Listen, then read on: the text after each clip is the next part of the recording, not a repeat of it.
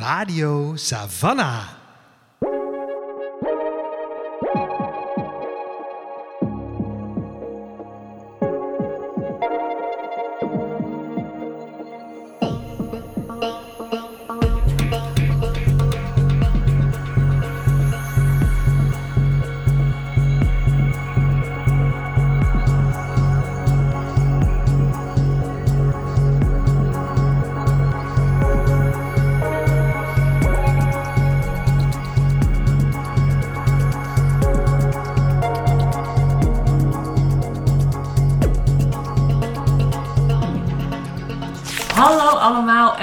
Welkom bij een nieuwe aflevering van Radio Savannah, de podcast van boekwinkel Savannah B. Ik ben Suzanne En ik ben Lola. en Savannah B is een onafhankelijke boekwinkel in het centrum van Utrecht. We zijn gespecialiseerd in feministische literatuur. Dat wil voor ons zoveel zeggen als literatuur op het snijvlak van gender, queerness, decolonisatie en het klimaat. En elke aflevering van de podcast zetten we een boek in het zonnetje, of een verhaal, of een persoon. Mhm. eh, waarvan wij vinden dat eh, het wel wat meer spotlight kan gebruiken en vooral ook verdient. Mhm. En deze keer doen wij dat met Mythen en Stoplichten, de debuutbundel van Alara Adilo. Yes, dit is een van onze zeldzame poëzieafleveringen. Ja, er zijn er niet veel van. Er zijn er niet veel van en daar zullen we misschien zo meteen nog even over hebben. Maar dit is wel een bundel die eh, lezers verdient. Hmm. Of je nou wel of niet gewend bent om poëzie te lezen. Eh, we raden iedereen van harte aan en we zullen jullie uitleggen waarom dat is. Yes! Radio Savannah. Mocht je Alara Adilo nou niet kennen, Mhm. Dan gaan we even vertellen wie zij is. Eh, Alara is een dichter van Somalische afkomst en woont in Amsterdam.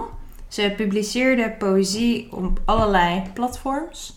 eh, Mhm. En won in 2022 de El Hijra prijs voor proza. En werd geselecteerd voor de residentie voor transgender en queer personen van Museum Arnhem. Haar debuutbundel heet Mythen en Stoplichten. Die is uitgegeven vorig jaar bij uitgeverij Prometheus. Mhm. En daarvoor ontving ze de Herman de Koninkprijs. Mhm. Dat is de belangrijkste Vlaamse onderscheiding voor Nederlandstalige poëzie. En de bundel is genomineerd voor de Grote Poëzieprijs 2023. Spannend. De uitreiking daarvan is eh, later deze maand. Dus we Mhm. nemen de podcast wat dat betreft net iets te vroeg op. Ehm, Alara is gastschrijver op het moment bij NI. NI? En Mm. En why? Nai. en eh, er staat ook een debuutroman eh, van haar hand op de planning voor later dit jaar. Dat is very exciting. En vers van de persnieuws. eh in oktober op de 40ste nacht van de poëzie kun je in Tivoli Vredenburg luisteren naar Alara. Ja, vet. Echt gaaf hoor. Ja, en eh, al deze grote ehm, onderscheidingen en erkenningen die zij nu krijgt, zijn we natuurlijk een beetje trots op ook. Omdat zij ook bij Spanne B eh, een mooie rol heeft gespeeld. Vorig jaar was zij een van onze cuticle schrijvers. Ja. Dus we hebben een jaarlijks Queering the City of Literature eh, programma. Waarin we queer auteurs vragen tekst te schrijven over queer liggen met een strat. En daar was Alara één van. Ja. Het heeft een super mooie tekst geschreven. Het is bij ons ook in de podcast geweest. Die zullen we even linken in de show notes als je haar zelf wilt horen praten over haar werk en het queer lichaam in de stad specifiek. Ja. Hartstikke leuk. En ze heeft toen ook in onze dichtbundels gesigneerd. Ja, Dus- ja, dus wij hebben echt eh, collectors items hier in handen. Over 40 jaar als Alara de eh Nou, later hoofd heeft gewonnen of zo. Ja. Dan hebben wij nog een... eh, gaan we verpatsen. Ja, precies. Ja, dus ja, het is, Alara zit helemaal in de, in de lift naar boven. In, ja, eh, good for her. in Poëzieland. Ja. Heel gaaf. We hebben nu ook al dat mensen inderdaad naar de winkel komen, specifiek naar de werk komen vragen, omdat ze zulke goede dingen over hebben gehoord. Dus ehm, als je er nog niet kent, eh, stap nu in en dan kan je lekker cool zijn. omdat je weet wat er aan de hand is in Poëzieland. Nou, deze bundel heet Mythen en Stoplichten. Ja. Eh Suzanne, waar gaat het over? Het gaat eigenlijk over heel veel verschillende dingen. Heel veel verschillende dingen die wel op allerlei manieren samenkomen. Eh, het, het personage of de persoon die wij horen spreken in, in deze bundel ehm, bevindt zich heel vaak in de stad, in een urban omgeving. is bezig met haar lichaam. Een lichaam wat een transitie doormaakt. Een lichaam dat heel vaak seks wil. Een lichaam dat soms seks moet gebruiken. Een lichaam dat verlangens heeft. Ehm, dat is denk ik een belangrijk thema. Ehm, maar vanuit dat soort van hoofdthema gaat het ook over eh, relaties met je moeder, relatie met mensen die je tegenkomt. Ehm, het is heel zelfreflectief. Ja. En ook wel mythologiserend, Sure. als dat een woord is. Ik vind zo. Dus de titel Mythe en Stoplicht, het is niet van eh, we nemen je aan de hand eh, mee langs allerlei bekende mythen of zo. Maar soms zitten er wel ineens bijna een beetje sprookjesachtige passages in. Ja. Of, of settingen. settingen? Ja, dat is soms, Omgevingen, ja, beelden. een beetje eh, niet, een, niet droomachtig als in romantisch droomachtig, maar echt alsof je een beetje zo in de. Hoe heet het als je echt zo'n delusional droom hebt? Lucide droom. Ja. Ja. ja. Ja. dat. Ja. Dat is heel echt. surrealistisch soms. Ja, ja.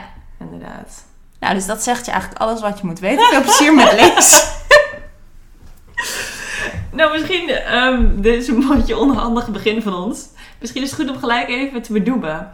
Eh, wij lezen dus niet zo heel veel poëzie. Nee, on the record ook. Ja. Dit is niet de eerste keer dat we deze Nee. bekenning eh, doen. We zijn eerder met dit bloot gegaan. Ja.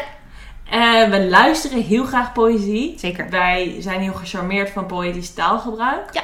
En mensen die zich poëtisch kunnen uiten. Wij lezen niet zo vaak gewoon een bundel op de bank van kaft tot kaft. Ik ga erover nadenken. Ik ga hier helemaal in, in wegzinken. Nee. Dus Als je daar meer over wil horen, Mhm. luister dan naar onze aflevering over het boek Dit gaat niet over grasmaaien. Wat eh, vriendin van de winkel Ellen Dekwits schreef over eh, hoe lees je nou eigenlijk poëzie. Wat kun je ermee? Waarom is het belangrijk? En waarom zou iedere lezer het moeten doen? ja, Dat hebben wij toen deels ter harte genomen, denk ik. Ja. Maar we moesten nu wel Ellen er weer even bij pakken. ja. Ellen heeft ons weer geholpen. En dat heeft ons geholpen. En dat Ja. gaan jullie ook een beetje merken in deze, bespre- deze bespreking. Wat wij dus niet gaan doen, is heel analytisch deze gedichten eh, interpreteren en duiden en vertellen waar het over gaat. Maar wat we wel kunnen doen, en wat we van Ellen mogen doen met poëzie, is ehm, kijken wat spreekt ons aan in Ja. deze poëzie. Waar gaat er bij ons een lampje branden? Waar gaat ons hartje van kloppen? Waar gaan onze ogen van open? Eh, hoe helpt het ons om het leven of onszelf of de situatie waar we in zitten wat beter te begrijpen? Ja. Dus dat wordt een beetje onze insteek. Ja, En dat betekent dus dat jij misschien iets heel anders uit de bundel gaat halen dan wij. zeker. En dat is prima. Ja, zo hoort dat bij poëzie. Hebben we geleerd. Hebben we geleerd. Ehm, ja, Lola, was er voor jou een bepaald thema of een lijntje eh, of een taal wat, eh, wat jou het meest aansprak? Ja, wat mij heel erg opviel aan deze bundel ehm, was, en dat weerspiegelden we misschien net ook al een beetje toen we dus gingen opzommen wa- waar, wat er allemaal in stond, was dat er heel veel in zit. Er zitten heel veel verschillende onderwerpen in die wel aan elkaar geregen worden, maar niet per se met een strik eromheen of zo. Mhm. Ehm, maar het beweegt dus echt van ehm, inderdaad eh, de relatie die de ik-persoon heeft tot hun moeder, tot politiek, tot kijk wat een mooi landschap, Mhm. tot eh, transitie, tot eh, Mhm. sekswerk en alles wat je daartussenin kan bedenken. En ik vond dat heel een beetje overweldigend soms. Maar niet per se op een negatieve manier. Want ik vond het ook wel heel tekenend voor sowieso hoeveel je dan als dichter in één gedicht kan stoppen. Mhm. En dat dat eigenlijk best zeg maar, op een andere manier dan in een roman. Op een rom- in een roman zou dat heel desoriënterend werken. Maar Mhm. doordat dichten wat, gedichten wat abstracter of associatiever zijn, werkt dat beter. Mhm. Ehm, en hoef je dat ook niet altijd uit te leggen, denk ik. Van, oh, nu gaan we het ineens van punt A naar punt G. En dan denk ik, oh ja, prima. Ja. Ehm, maar het sprak voor mij ook wel een bepaalde ambitie uit. wa- wat me wel aansprak. Ja. Eh, want deze bundel neemt geen blad voor de mond. Nee. Gaat ook niet per se... Of lijkt in elk geval geen dingen, onderwerpen uit weg te gaan. Als Nee. ze van waarde zijn om een ervaring of een gevoel uit te drukken. Nee. Nee, het, lijkt, ze, het is heel duidelijk dat ze je echt heel veel dingen wil vertellen. Ja, Dat heel veel gedachten in haar hoofd heeft en in haar lichaam heeft die ze allemaal aan je wil vertellen. Ja. En het is soms een beetje zoals dat je op een verjaardagsfeestje zit en dat er iemand naast je zit en die is een beetje aan het oversharen. Dat je opeens denkt, wow, wow, wow, dat, ik weet niet zeker of wij elkaar goed genoeg kennen dat je me dit nu vertelt. ja, maar dan heel erg expres. Inderdaad. Ja, en heel Ja. erg afgewogen Ja. ook. En soms ook wel, denk ik, bewust om je dat gevoel een beetje te Ja. geven. Ja, en het werkt wel. Ja. echt. Het komt wel aan. En dat vond ik gewoon wel heel cool, omdat toch... Ik weet dat poëzie heel veel meer is dan dat, maar soms denk ik dan toch, pff, gaan we weer een landschap beschrijven of een bloemblaadje of wat dan ook. En dit is dat niet. Nee. Het is niet een soort van, eh, ik kijk uit over de grijze Noordzee.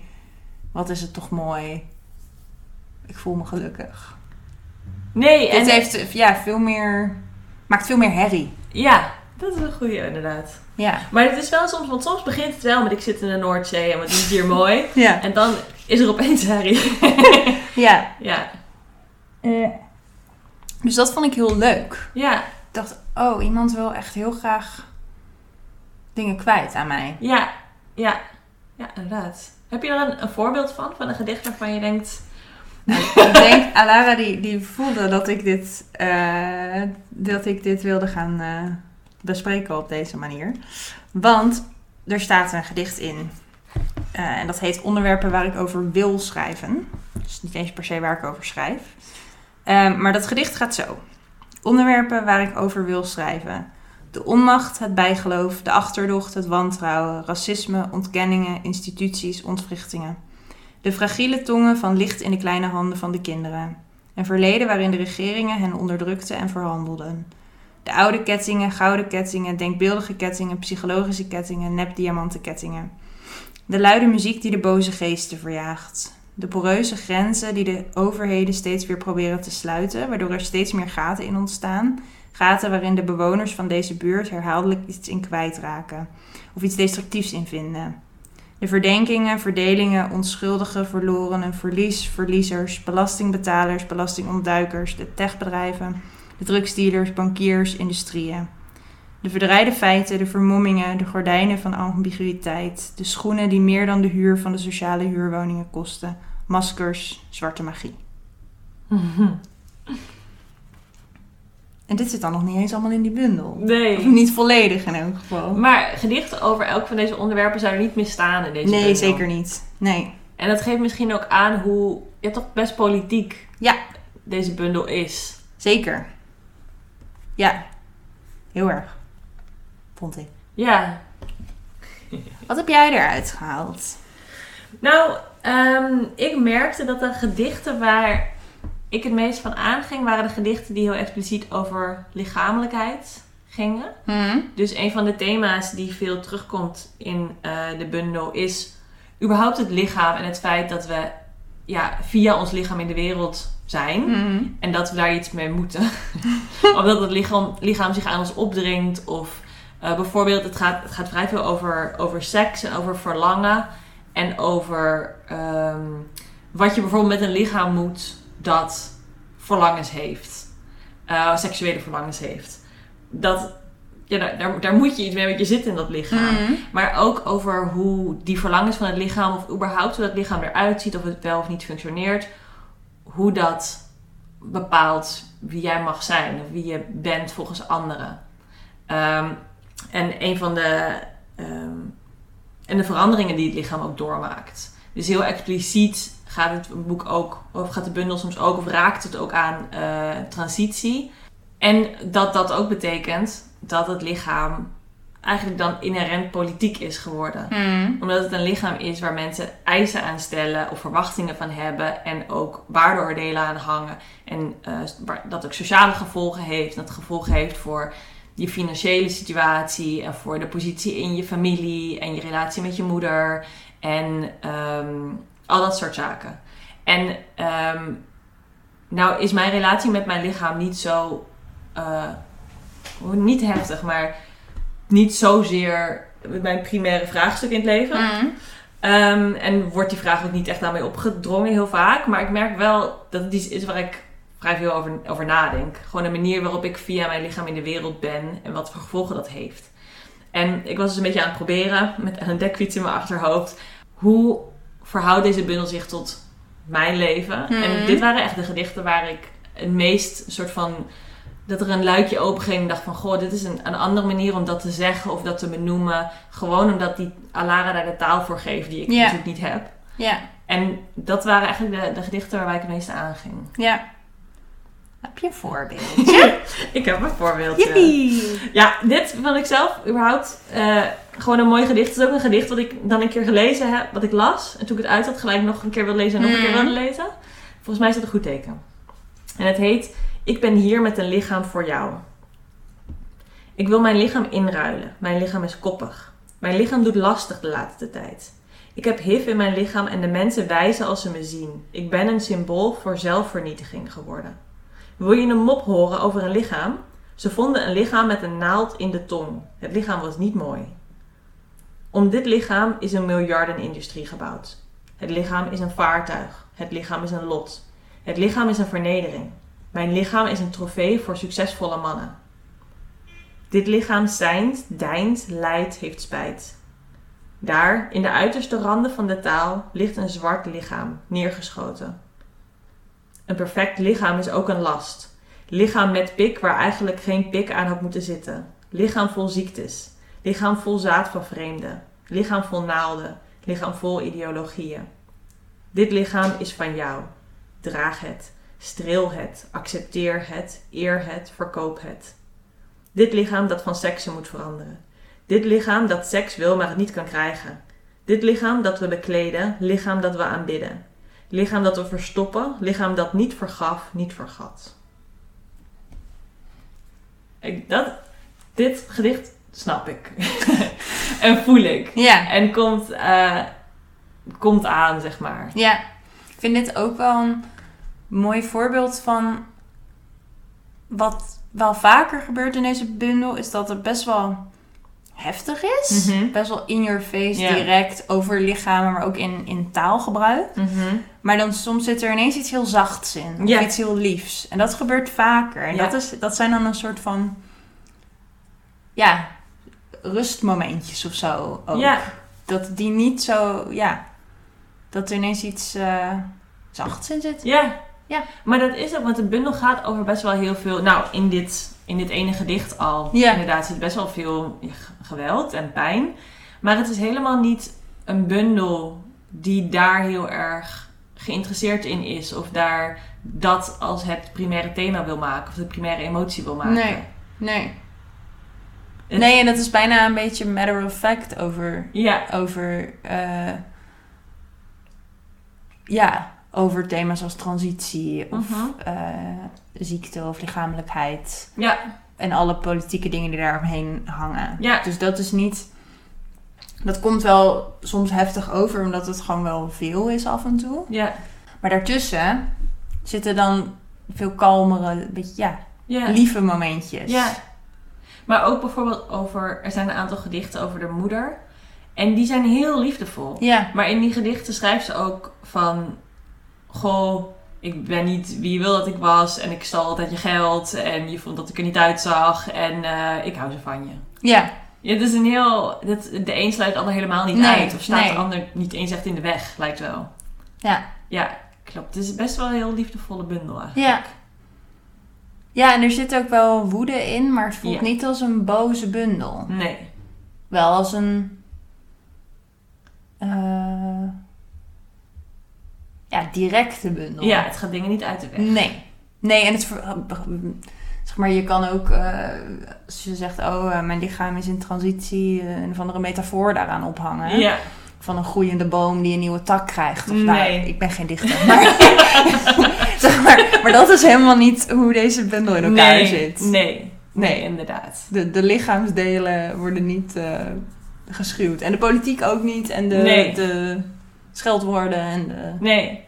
Maar inderdaad, daar is wel iets over het eh, taalgebruik valt wel op. Ja. Juist omdat het eigenlijk zo weinig poëtisch is. Of tenminste voor een leek. ehm, lijken er vrij weinig metaforen, stijlfiguren, rijmschema's in voor te komen. Het is relatief weinig opsmoek. Ja, En wel soms beelden of, of bepaalde... eh, ja, verwijzing, Ja. verwijzingen Ja. die, die er dan in zitten, maar niet een soort. Ook geen vormpje of trucje nee, of zo. Nee. Nee, klopt. Wat ik eigenlijk wel prettig vond. Ja. Ik ben altijd erg van een vormpje, maar ja, ja. dat met, eh, met in, ro- in romans en zo. Maar hier vond ik het wel. eh, ja, ik vond die directheid wel fijn. Ja. Ja, en het, het, het lelijke recensiewoord is dan authentiek. Maar het, Ja, rauw. maar, maar het voelt wel heel erg alsof dit gewoon precies is wat Alara wilde zeggen. Ja. En zo heeft ze het opgeschreven. Ja. Zonder te denken, oh, zou het niet interessant zijn als ik het over een boom met een nieuwe tak zou hebben? Hoe kan ik dat bij mijn verhaal aan laten sluiten? Nee. Zo lijkt het niet geschreven te zijn. Nee. Nee. En het is wel ook daar zich weer bewust van of zo. Van, van een soort van hoe buig ik de taal naar mijn hand? Ja, Hoe zet ik dat in, ja. in een gedicht? Lijkt. Hoe bedoel je? Dat is daar bewust van? Nou, er zitten ook bepaalde gedichten in waar het nadrukkelijk gaat over taal. Ja. En over ik pas niet in de taal. Of Ja. eh, ik, ik eh, woon eh, in, een- wat zegt ze? Ik ben mijn land kwijt in de taal van een ander. Ja. Dus die ja, bepaald bewustzijn van de limieten van waarmee je uit kan drukken. Ja, want ze, hoewel ze geen trucjes doet, zoals we zeiden, ze probeert wel veel verschillende soorten manieren om zich uit te drukken. Ja. Dus je hebt bijvoorbeeld gewoon heel simpel, er zijn hele korte gedichten en hele lange gedichten. Er zijn gedichten waar een soort rijmschema in zit en er zijn gedichten die volledig vrij zijn. Ehm, soms in het gedicht wat ik net voorlas is het vrije poëzie en dan Mhm. opeens is er een, een, een klankrijmzin zeg maar tussendoor. Eh, dus eh, de taal dijt, leidt, heeft spijt, et cetera. Eh, dus ze, ze heeft ook allemaal verschillende manieren om zich uit te drukken. Dus, ja. Ja, lijkt er misschien ook wel lol in te hebben. Ja, Het kan zijn dat ik dat projecteer. Maar zo van, nou, nu doe ik eens een keer een kort gedicht. ja, Lachen. ja. Kijken wat dat doet. ja. Sorry, Lara, als je dit allemaal niet dacht. Zo leest het soms wel. Ja. Hé, hey, kort gedicht. Ja. Lachen. Ja, en dus eh, doordat het... Het, heeft bij, het is bijna grof, zeg maar. En dat is... Het is hartstikke grof vaak. Ja, het is, ja maar niet... Niet gemeen. niet gemeen grof, zeg maar. Nee. Onbeleefd grof. Maar wel... Klopt, eh, klopt. ja. En het is ook niet grof om sensatiebelust grof. Nee. Het is gewoon de situatie die ze wil begrijpen. Was gewoon een, of een schunnige situatie of een vieze situatie. En dan beschrijft ze het ook als een vieze situatie Ja. met vieze woorden. Ja. Dat is wel leuk in een bundel, vind ik. Ja, ja klopt ja. Het wisselt gewoon leuk af tussen van alles. Want soms is een gedicht heel direct en dan zit er ineens een gedicht tussen wat wel weer veel eh, abstracter is en Ja. veel beeldender en veel, eh, ja, mythischer misschien ook wel. Ja, Eh, en daar, daardoor versterken, ze, versterken die twee ja. modussen elkaar ook. Ja, en ik denk ook dat als je nou heel erg geoefend poëzielezer bent, dan hou je er misschien ook meer poëtische nou ja, trucjes of eh, spel hou er misschien uit. Want er zijn bijvoorbeeld heel veel gedichten met titels als hier het geschenk van de windgodin. eh, of heilige graal. Of ehm, allemaal ehm, titels die heel duidelijk verwijzingen zijn. En ik denk dat als je heel slim bent, dat je die- dat, dat element dan mee kan nemen en dan meer uit het, uit het gedicht gaat halen. ja, dat je er op een andere manier naar kijkt. Ja, en dat is een andere manier van lezen dan, dan ik doe.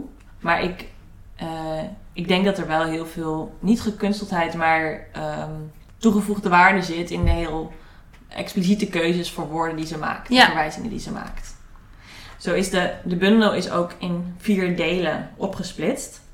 Eh, en het eerste deel heet Catabasis. Het tweede deel Metamorfose? Metamorfose. Het derde deel Geloof je in engelen, Alara. En het laatste deel Anabasis. Ja. En katabasis betekent eh, afdalen naar de onderwereld. Ja, Even heel plat geslagen. En anabasis is weer dat je weer terugkomt. ja, Dus je gaat wel op reis. ja, zeker. Met, eh, ja, door de gedichten. Ja, en dat zijn bijvoorbeeld woorden die ik moest googlen. Ja. En, en zo zullen er heel veel woorden zijn die ik niet heb gegoogeld en daardoor betekenis heb meegenomen. maar ik bedoel, ik, ik zeg dit even om, om te benadrukken dat het niet een soort ehm, simpelheid is. Nee, zeker niet. Ehm, waardoor die, die grofheid of de directheid, zeg maar, die, we zo, die bij ons zo aanspreekt. nee, het is volgens mij tegelijkertijd heel simpel en heel complex. Ja, En dan is de uitdaging voor jou en ons als lezer dat die twee dingen allebei waar zijn. ja, ja. En waardevol zijn. Ja. Alright, wij eh, doen even een stapje terug van eh mythe en stoplichten. Ja. Eh, voor ons rubriekje. En eh, deze week is het tijd voor het boekenplankje. ja. En in het boekenplankje vertellen wij jullie wat wij allemaal zo aan het lezen zijn. Zijn we nog boeken tegengekomen die we niet in de podcast gaan bespreken, maar waarvan we wel denken: hé, hey, dat is leuk. Dat wil ik even meegeven aan de luisteraar. Ja, die zijn er eigenlijk altijd. Ja, toch? Ja. Wat was voor jou zo'n boek de laatste tijd? Nou, ik las eh, Maak me eendimensionaal van Mhm. Sang Park. Eh, vorig jaar bespraken wij in deze podcast de debuutroman Ja. van Sang Yong Park, Zuid-Koreaanse schrijver.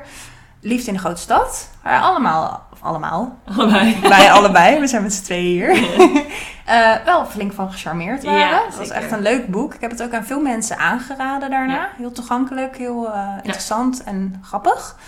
En nu is daar dan eh, het, ja, het vervolg, wil ik zeggen. Dat is het helemaal niet. Het tweede boek van Sang Yong Park, uitgegeven door Das Mag. Maak me eendimensionaal. En dat leek tegelijkertijd op Liefde in de Grote Stad en was heel anders. Mhm. Ehm, het gaat over een. eh, er lopen eigenlijk twee tijdlijnen naast elkaar. Eh, dus het start met een bekende tv-psycholoog, of nou, van een bekende psycholoog die een eh, interview heeft gegeven op tv. En op basis daarvan heel erg in het nieuws is gekomen. En je weet niet precies waarom aan het begin van de roman. Maar daardoor krijgt hij ook berichtjes van mensen uit zijn verleden. Ja. Oeh. Ehm, over dat er in zijn, eh, eh, de stad waar hij vandaan komt oorspronkelijk een lijk is gevonden. Oh. Ja. Dus dat is het ene lijntje van wat is daar precies gebeurd. Ja. Wie is diegene die hem berichten stuurt. En ehm, ja, wat, wat is daar gaande? Wie is dat lijk? Ja. Mm, en tegelijkertijd ga je met hem mee naar die jeugd. Ja. Dus hoe hij is, eh, hoe hij als tiener, begin van de 2000s, Ja. woont in een stad in Zuid-Korea en ook daar veel te maken krijgt met ehm, prestatiedruk op school, maar ook met hoe het is om in armoede Mhm. relatieve armoede op te groeien eh, in een eh, ja, waar in een maatschappij en ook in een deel van zijn stad waar dat niet per se de norm is. Hij weet dat hij homo is, wat allerlei problemen veroorzaakt.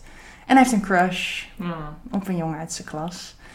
En dat deel is tegelijkertijd best wel sad, maar ook wel heel leuk. Want ze gaan dan ja, de Zuid-Koreaanse equivalent van MSN'en. Ja, ja. En dan van die, van die tienerberichtjes Ja, naar elkaar ja. sturen en zo. En dat is heel leuk om te lezen. En dat deed me wel weer aan Liefde in de Grote Stad denken. Dat je dus bepaalde ervaringen die ik als Nederlandse millennial Mhm. heb, kan spiegelen. Maar een soort van lachspiegelen. Ja. eh, met de ervaring van iemand in Zuid-Korea. Ja. En door dat lijntje met dat lijk Ja. en die, het heden, zeg maar, Ja. Wordt het ook spannend. Ja, ja, ja. Ah. Dus ik, vond, ik zou het wel aanraden. Ik, Ja. moest, ik moest hem ook echt uitlezen op een gegeven moment. Dat Ja. ik dacht, oeh, nu, eh, nu zit ik er goed in en nu moet ik, eh, nu moet ik door. Ja. Dus hij is iets minder vlot, denk ik. En minder grappig dan Liefde in de Grote Stad. Maar Ja. daardoor heeft hij ook wel wat meer gelaagdheid. En ja, het is ook wel fijn om wat meer ademruimte te hebben met, eh, met de personages. Maar ik had dezelfde ervaring toen ik hem dichtsloeg. Ik weet nog dat ik dat bij Liefde in de Grote Stad ook had. Ik dacht, ach, wat jammer. Nu ga ik nooit Ja. meer met deze personages optrekken. dus Ja. ja. ja, volgens mij ben ik wel fan. Maar eh, ja, maak me eendimensionaal van Sang Park. Leuk voor veel lezers weer.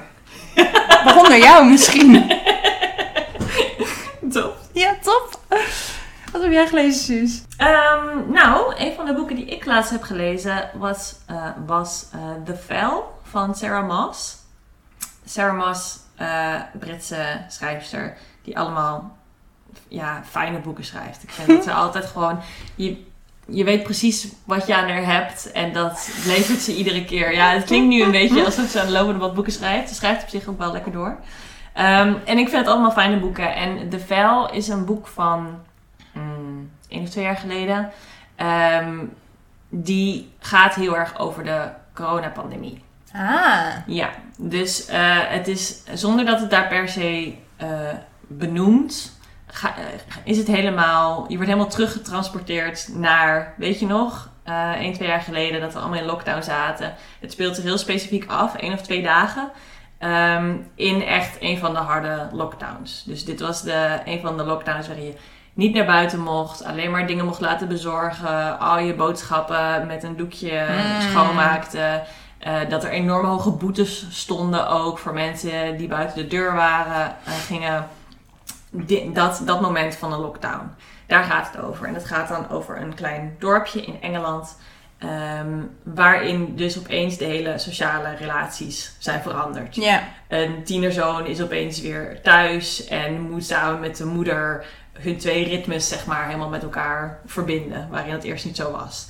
En er zijn financiële problemen die daarbij komen. In een ander gezin ehm, is er een soort huwelijksspanning die op ja, stijgt Mm. doordat samen gevonden zijn. En naast al de stress die dat allemaal oplevert en de spanning, spelen gewoon grote maatschappelijke problemen waar mensen moeite mee hebben, tegenaan lopen. Klimaatverandering bijvoorbeeld. En hoe gaan we daar wel of niet om? En jij wil recyclen, maar je zoon doet het niet in een kleine ruimte opeens. Nou, allemaal, al die spanningen komen een soort van samen in een van de, de personages die het gewoon niet meer trekt. En die denkt, ik heb nu zo ik probeer het al zo lang zo goed te doen, maar ik, het lukt me niet meer. Ik moet gewoon even een wandeling maken. Dus zij vertrekt voordat de zon opkomt eh, om een wandeling te gaan maken. En ik mag het vertellen, want zelf op de cover valt dan, komt het ten val.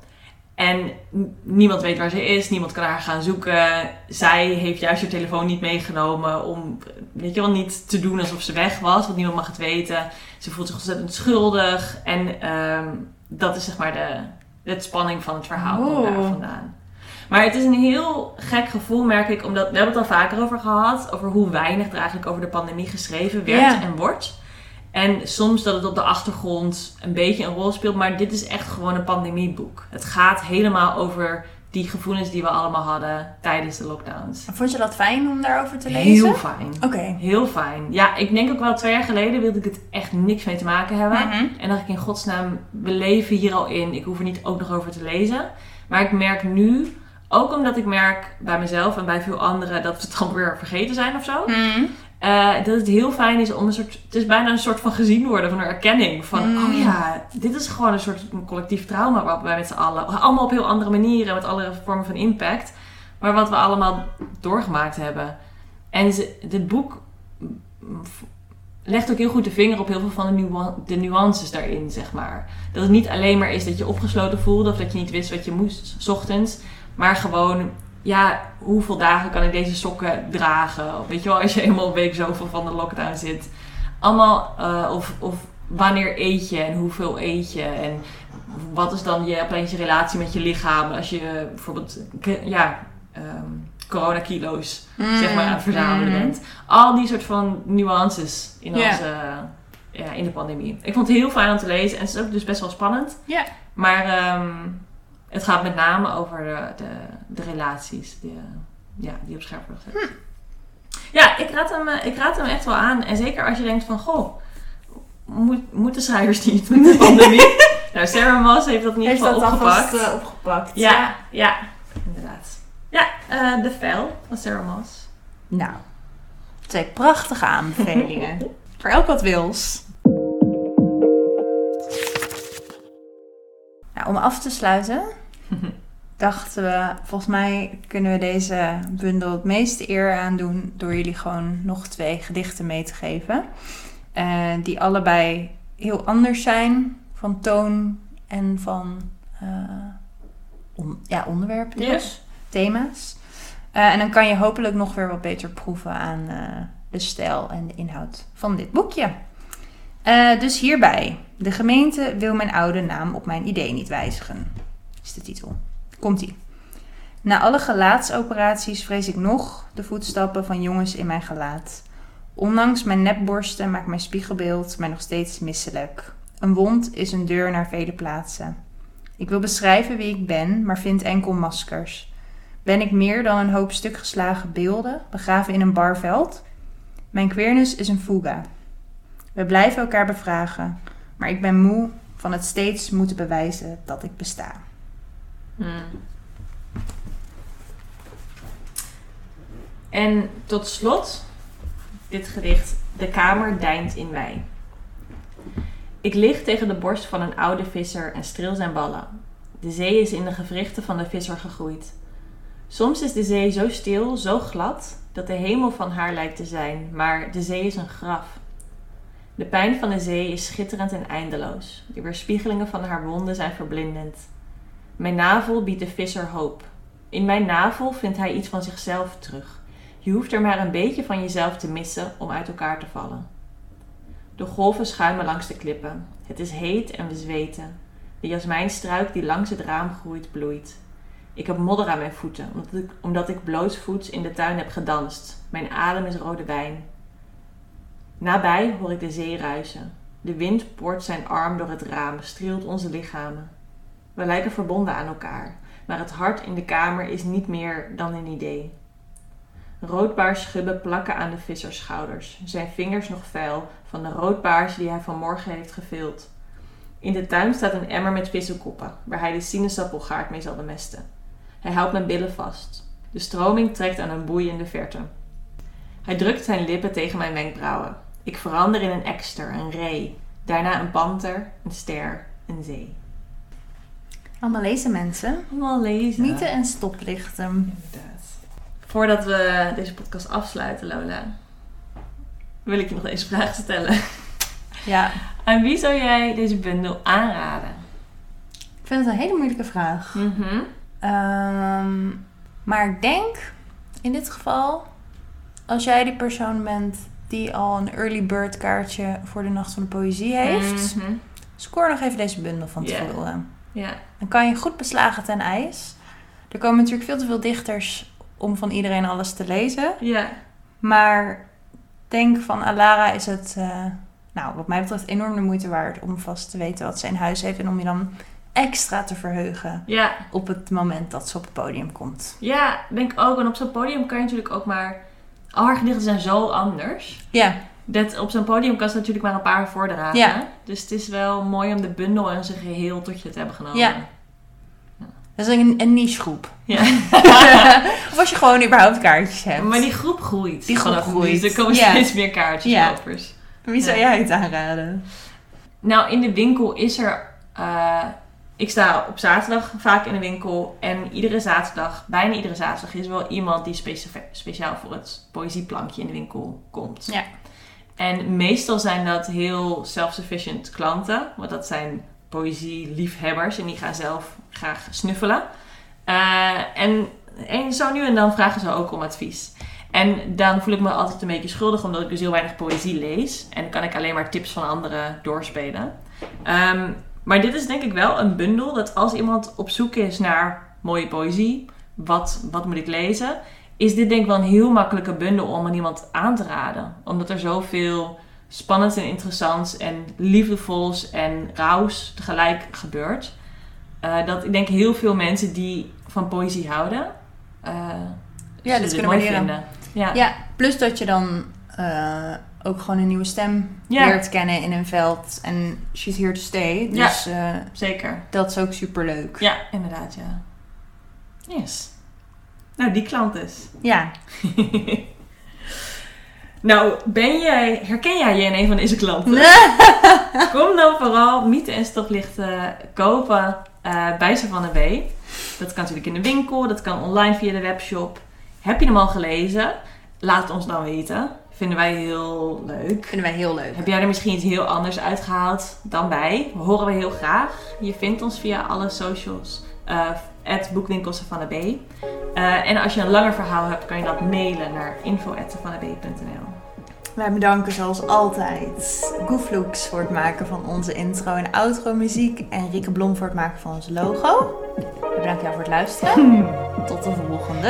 Bye.